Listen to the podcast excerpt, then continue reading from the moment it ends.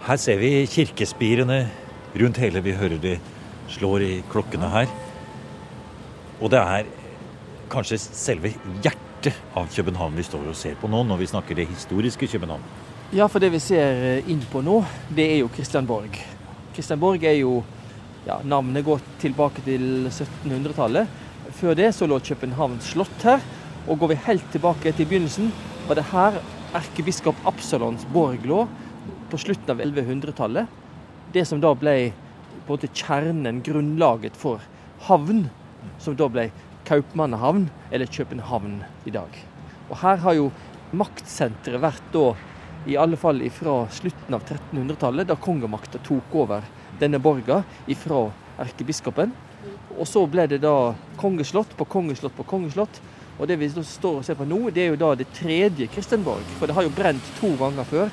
Og det vi ser på nå, nå er da bygd opp igjen på 1900-tallet.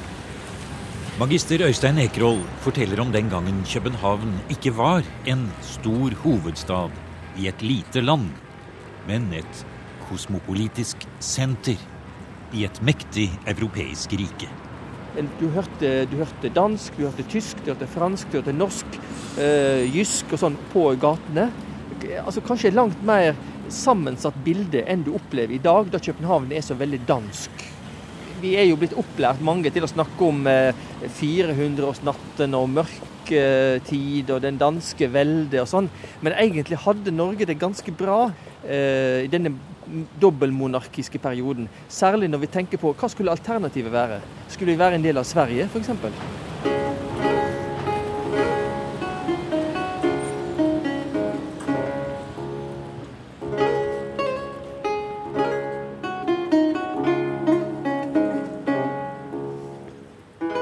Denmark heter denne lystige dansen, komponert av John Dovlan som gave til Christian 4. For selv om vi står og ser på den majestetiske broen inn til Kristiansborg slott, bygget av norsk marmor og med de to forgylte kongekronene, Norge og Danmark, på toppen av noen flotte paviljonger fra midten av 1700-tallet, så er det 100 år til tilbake i tiden, til miljøet rundt Kristian 4. vi må, når vi skal snakke om København som selve senteret for den nye og store interessen for å bringe norsk kultur og historie fram i lyset. Og Det var et spesielt miljø som oppsto i København under Kristian 4.s tid, altså første halvdel av 1600-tallet. Og Da var jo universitetet her eh, i en veldig god periode, og da kom det mange norske studenter hit. Og dette lærde miljøet rundt Københavns universitet det fikk en veldig stor betydning for faktisk utviklingen av både Danmarks og Norges historie i de neste 200-300 år. Og da skal vi snu ryggen til Kristiansborg. Vi skal gå nedover en gate her. Eh, det er Ny Vestergade. Vi skal ned til Nasjonalmuseet i Prinsens palé. Og vi skal faktisk da stifte bekjentskap med en ny person, nemlig Ole Worm. Og han var bl.a. livlegen til kong Kristian 4. Og han var en svært interessert og opptatt person av det som hadde med historie å gjøre. Ja, altså Vi tenker jo gjerne på Kristian 4. som en renessansekonge. Altså, han hadde store interesser, både kunst og kultur og politikk og militærvesen. Men Ole Worm, hans livlege, var minst like sterkt et renessansemenneske. Han var utdanna medisiner, men han var også filolog. Han jobba med historien, og han var antikvar. Han samla på ting. Og han hadde interesser i alle mulige områder. Og han hadde kongens øre. For kong Kristian 4. han ønsket å faktisk da undersøke litt nærmere hva finnes i dette store danske riket som du, du fortalte om, Ekerholm. Hva finnes av, som de sa den gangen, antikviteter og historiske kilder? Ja, eh, fram til denne tid Det man kjente, eller så vidt var begynt å kjenne, det var jo middelaldersagaene.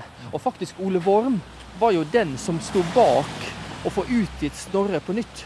For da hadde vi hatt en prest i Norge, Peder Klausen Friis i Sør-Audnedal i Vest-Agder.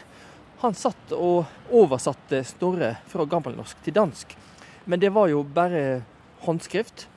Men Ole Worm var den som da tok initiativet til å få dette manuskriptet trygt. og Det var etter at Peder Clausen var død. Men i 1632-33 så kom endelig Snorre tilgjengelig på dansk. og Det skapte da en stor interesse for den, den norrøne middelalderen.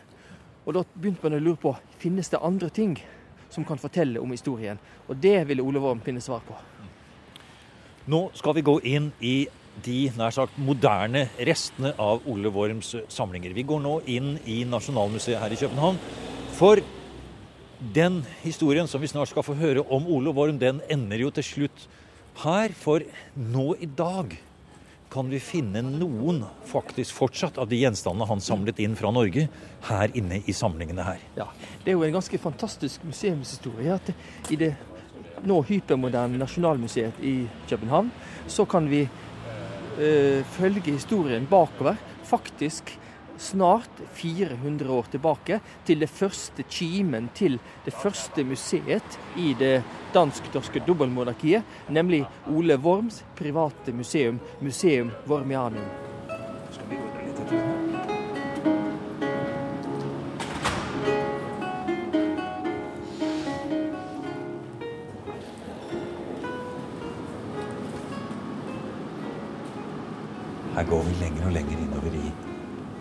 Middelaldersamlingen her på Nasjonalmuseet i København. Og vi hører hvordan eh, det er ventilasjon og vifter. Og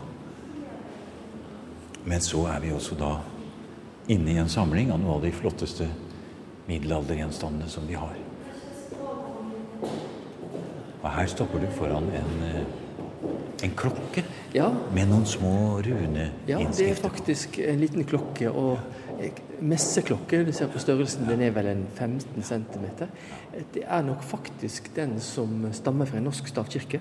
Er det den du har kanskje også i eh, Ja, som, Ing- som Ingvald Undset eh, beskriver, med runeskrift som forteller eh, hvem som eh, støpte denne. Ja, altså faren til Sigrid Undset, arkeologen. Ja. Ja. Den skal stamme fra Vegusdal i Telemark. Ja. Og kom altså da med en dansk embetsmann til Danmark på slutten av 1700-tallet. Hang visstnok i et vertshus som eh, portklokke, inntil man oppdaga runeskrift eh, på den. Og så kom den da til eh, Nasjonalmuseet. Hva, hva har denne klokken vært brukt til da, tror du? Altså, den er jo så lita at Ja. denne har nok vært brukt til eh, som en messeklokke. Altså den ble brukt til å ringe med før og under nattverden. Slik at den hang nok innendørs i koret og ble ringt med for at da skulle alle både inne og ute vite at nå skjedde underet. Nå skjedde det at det, eh, vin og brød ble omskapt til kjøtt og blod. Går tilbake til 1200-tallet. Her er vi på 1100-tallet. Skattefunn, myntfunn, smykker. Østersjøkeramikk. Masse ringer. Og her ser vi et av de største og flotteste av drikkehornene. Ja. Dette drikkehornet her, med den, eh, den flotte randen rundt, Ja. og den, eh, også den, det flotte endebeslaget der. Dette er et, eh, antageligvis et norsk drikkehorn som var i Ole Worms eie, og som er illustrert i dette bokverket som han da ga ut, skal vi si hans katalog over sitt, eh, sitt museum. Og Her ser vi jo bl.a. våpenskjold. Ser du den? En pilespiss som som, med, med vinger. Det er våpenskjoldet til en norsk middelaldersk adelsfamilie. Bl.a. Altså baronslekta på Talje i Ryfylke. Vi ser jo faktisk eh, Ser du det våpenskjoldet med en svær Ja. eh, en et svin? Ja. Altså en galte. Det er familien Galtungs våpen. Det er jo en familie som eksisterer den dag i dag, som går tilbake altså, til en norsk adelsfamilie. Og ser du over den, der ser du det norske riksvåpenet. Løve Løven med med. St. Olavs øks. Når kan det opprinnelig ha vært uh, laget og vært brukt, uh, tror du? Ja, altså, når vi har riksvåpenet, vi har adelsfamilier, vestnorske adelsfamilier, så må man tenke seg et, en gilde eller en sammenslutning på Vestlandet, kanskje i Bergen, der man brukte drikkehorn til rituelle eh, selskap som man hadde til forskjellige tider på året. Kanskje et, eh, et gilde i, eh, i Kongsgarden i Bergen, f.eks. Og vi er på 1300-tallet, ser det ut til. Kjempeflott. Her ser du Her, ja. disse dyrefigurene her. Det er hestefigurer. Det er faktisk Er det vekt... støpt bronse? Ja, Ja. og det er faktisk vektlodd. Altså Under Håkon den 5. rundt år 1300 så, så lagde man norske offisielle vektlodd eh, i form av dyrefigurer. Det var nok antageligvis for at det, det skulle være vanskeligere å, å jukse. Altså Hvis du prøvde å kappe av en bit, så var det lett å oppdage. Ah, for da vil man se at det plutselig så hadde denne flotte hestefiguren bare tre ben. For eksempel. Ja. Mm. Ja. Eh, vi vet at Ole Worm hadde et par sånne i sine samlinger. Om det, det er antakeligvis et par av disse. Her er jo en 12-14 stykker. Men det som er litt tragisk, er at det, på 1500-1600-tallet så hadde man jo for lengst glemt funksjonen. Og man trodde at dette hadde noe med hekseri å gjøre. Og faktisk skriver han i sin bok at ett av disse vektlodda.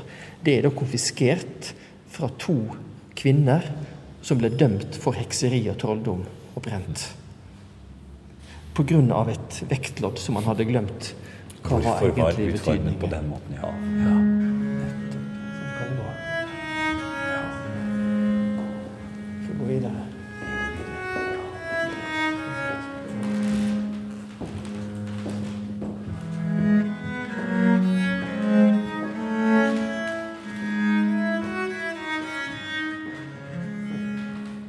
Men ikke bare i tidlig middelalder var mye kunnskap gått i glemmeboken, sier Øystein Ekro.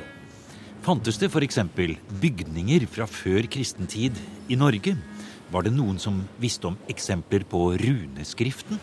Hva med gamle bøker, gjenstander med inskripsjoner, stenfigurer eller andre gamle ting? Alt var av interesse for Ole Worm, som på oppdrag fra Kristian 4. ville kartlegge og studere all kunnskap som kunne samles inn i det store riket. Og for øvrig ikke bare om kultur og historie. Også natur og geografi var av stor interesse. Men arbeidet gikk for langsomt, mente livlegen. På tross av kongebrev og befalinger til biskopene om å sende inn alt de hadde, måtte Ole Worm ha mer hjelp. Og det er på den måten en ung student fra Skånevik bokstavelig talt skriver seg inn i norsk historie. Ja, Ole Worm hadde jo prøvd da, og dette, dette tok jo lang tid, årevis. Og de må si at de geistlige var veldig trege til å svare. Så etter å ha venta i år etter år, så, eh, så eh, fikk han tak i en student som skulle bli teolog. Jonas, eller Jon som han også ble kalt, Andersson fra Skånevik i Sunnhordland. Og eh, en sommer, han var hjemme på ferie, så dro han rundt på Vestlandet til fots og med båt og tegna av det han klarte å komme over. Han dro da rundt fra prestegard til prestegard, for disse prestefamiliene kjente jo hverandre.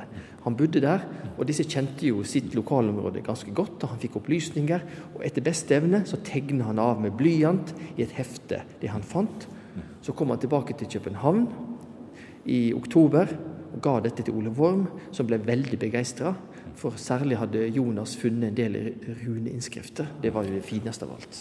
Og det gjorde at Ole Worm var så fornøyd med dette første resultatet at han brukte Jonas Andersson videre, så han fikk reise rundt store deler av Danmark og Skåne og skaffe inn lignende materiale. Så Jonas, den norske studenten fra Skånevik, ble faktisk den viktigste innsamleren av materiale til denne boka til Ole Worm, som heter 'Monumentum Danicorum', altså danske monumenter, som da består av den, første samling av runeinnskrifter.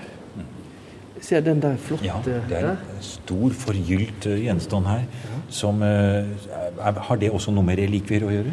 Ja, den har inneholdt et bein. Altså, dette skal forestille en arm. Og så har oppå toppen, som nå er borte, har det stått en, en hånd i forgylt metall. Den er borte. Dette skal ha inneholdt da en, et armbein til St. Olav.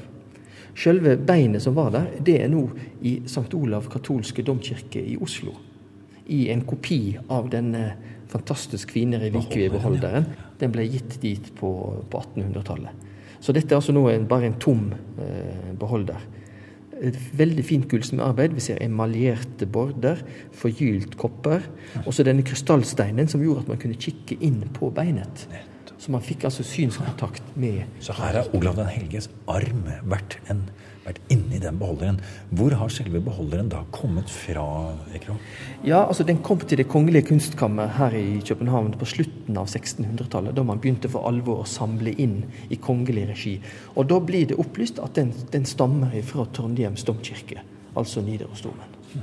Så dette kan være blant de tingene som har stått opprinnelig der, kanskje sammen med Olavsskrinet, og som ble fraktet ut derfra ved reformasjonen?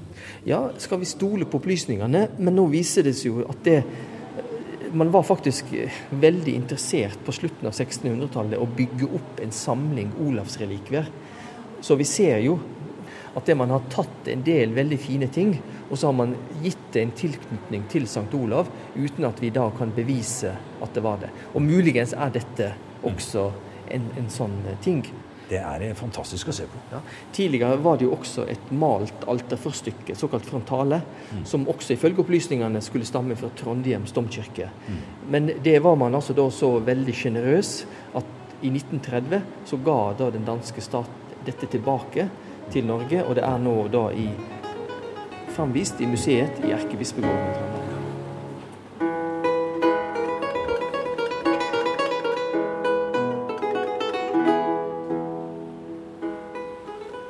Her ser vi evangeliebøker fra 1200-tallet.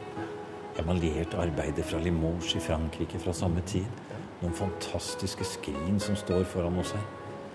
Dette er nok eh, skal vi si, Nordens største skattkammer når det gjelder uh, gjenstander, kunstgjenstander fra middelalderen.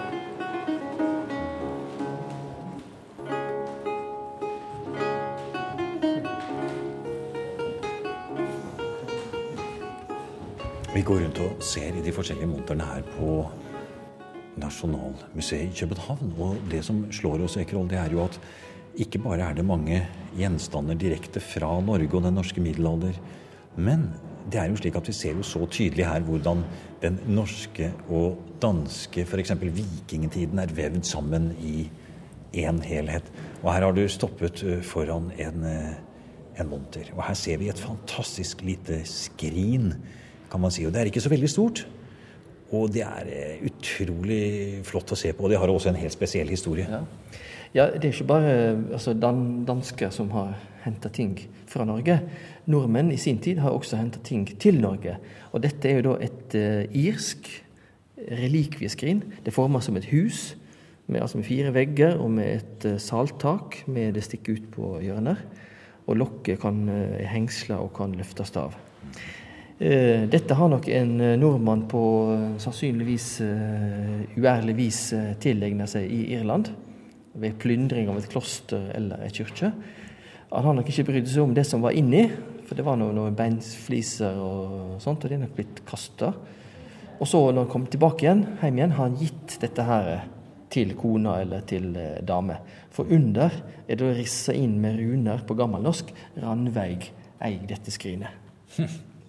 Men det som er litt spesielt ved dette, for man har jo funnet to-tre sånne skrin i gravhauger. Men det som er spesielt med dette skrinet, er at det aldri har kommet under bakken.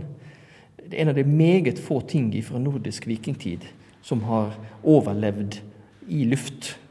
Og det er nok fordi en, en eller annen gang i tidlig middelalder hadde kommet tilbake til sin opprinnelige funksjon ved at det er blitt gitt til ei kirke i Norge nettopp til bruk som relikviebeholder. For en fantastisk historie denne lille gjenstanden da har. Eh, på 700-800-tallet så blir den altså da ranet av eh, norske vikinger i et irsk kloster. Ført tilbake til Norge. Og så kommer den igjen i bruk, sier du, kanskje som relikvieskrin, da i Den norske katolske kirke. Ja. Og så til slutt havner det altså her i København. Ja, skal, skal man forklare at dette har overlevd gjennom hele middelalderen, så er det nesten bare at det må ha vært i i, i et kloster eller, eller ei kirke. Og da er det jo som relikviebeholder. Det er jo, det er jo som bokstavelig talt laga til formålet. Mm. Og så er det nok blitt stående. da, Det kan ha blitt konfiskert i forbindelse med reformasjonen. eller blitt stående, Men vi vet iallfall at det, det kom hit til Det kongelige kunstkammer eh, en gang eh, senest tidlig på 1700-tallet. Kanskje allerede i andre halvdel av 1600-tallet. Det, dette er altså nå eh, i det iallfall tredje landet og har, det står i, og har overlevd da i ca. 1300 år. Og så står vi her og ser på det i en måned i København.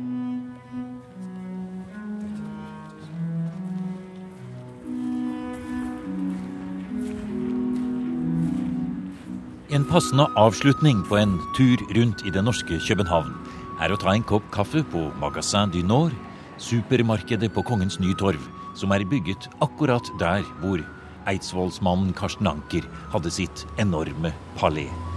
Da må vi gå forbi Holmen, hvor Peter Wessel Tordenskjold har sin grav, og hvor også hundrevis av norske slaver arbeidet på flåteverftet Bremerholm. Vi kunne også gått opp i Bredegade og filosofert litt rundt at denne store hovedgaten opprinnelig het Norgesgate, helt til den ble omdøpt på 1870-tallet.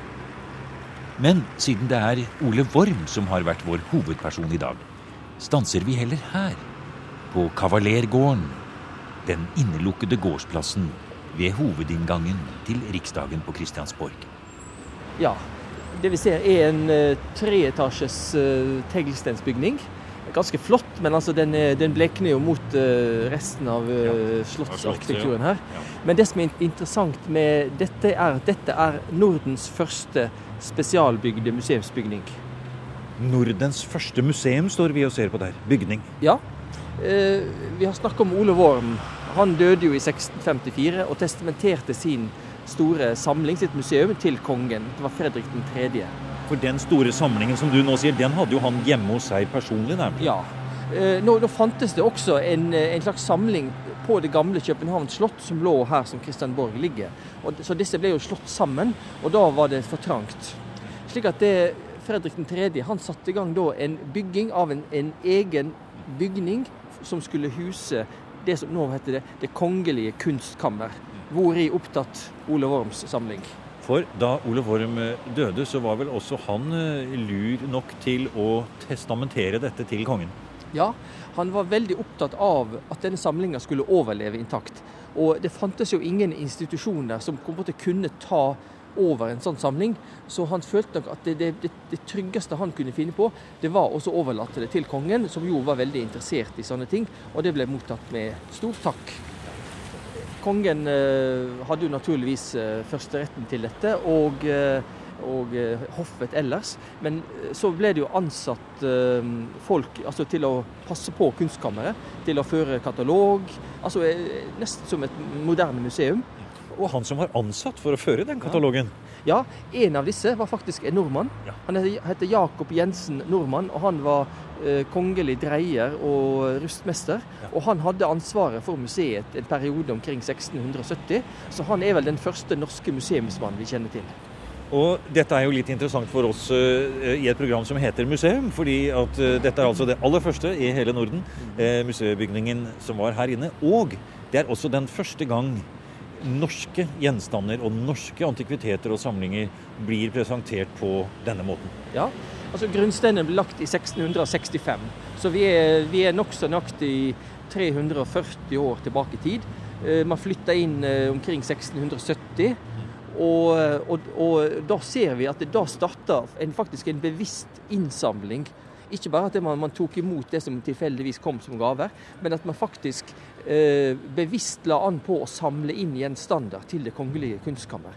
Og Hvis vi går litt ut her, Eklor, går vi bare litt ut på trappa her, på denne plassen foran riksdagsbygningen her, og så inn i gårdsrommet, så snur vi oss, og så ser vi opp, og da ser vi at mellom Slottet og denne nye museumsbygningen, som da var ny, så bygde kongen seg en egen adkomst, kan man nesten si her. Ja, altså Majesteten kunne jo ikke bare springe over gata når han ville besøke museet sitt eller ha med fine gjester hit. Så han fikk da bygd en Det heter lønngang, men den er jo veldig synlig. Men altså det er, det er buganger. Oppe på bugangene går det en, en innebygd korridor, vi ser vinduer. Og den førte da ifra hovedslottet direkte inn til kunstkammerbygningen. Så kongen kunne gå helt usett til og fra. Så må vi jo i rettferdighetens navn eh, si det også at eh, med årene, kanskje særlig i den senere tid, så har jo også en del gjenstander blitt tilbakeført til eh, Norge. Og ikke bare til Norge, men også for så vidt til Færøyene og andre steder fra denne store og omfattende samlingen. Og det er jo en uh, egentlig flott gest som uh, danskene har gjort der. Ja, vi må kalle det en veldig fin gest, fordi dette er jo gjenstander som på ingen måte er tatt eller røva uh, til Danmark. Dette er stort sett gaver, eller det er ting som er kjøpt. eller ting som er funnet og gitt. da.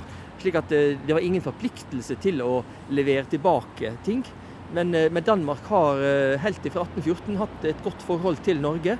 Og man har faktisk da delt opp skal vi si, det gamle fellesboet. Vi har fått arkivsaker fra faktisk Riksarkivet som nå ligger her. Og vi har fått en god del gjenstander tilbake fra Nasjonalmuseet, som vi nå finner bl.a. på eh, det som før heter Oldsakssamlingen i Oslo, og også i Nidarosdomen. F.eks. Det, det veldig flotte Olavsfrontalet.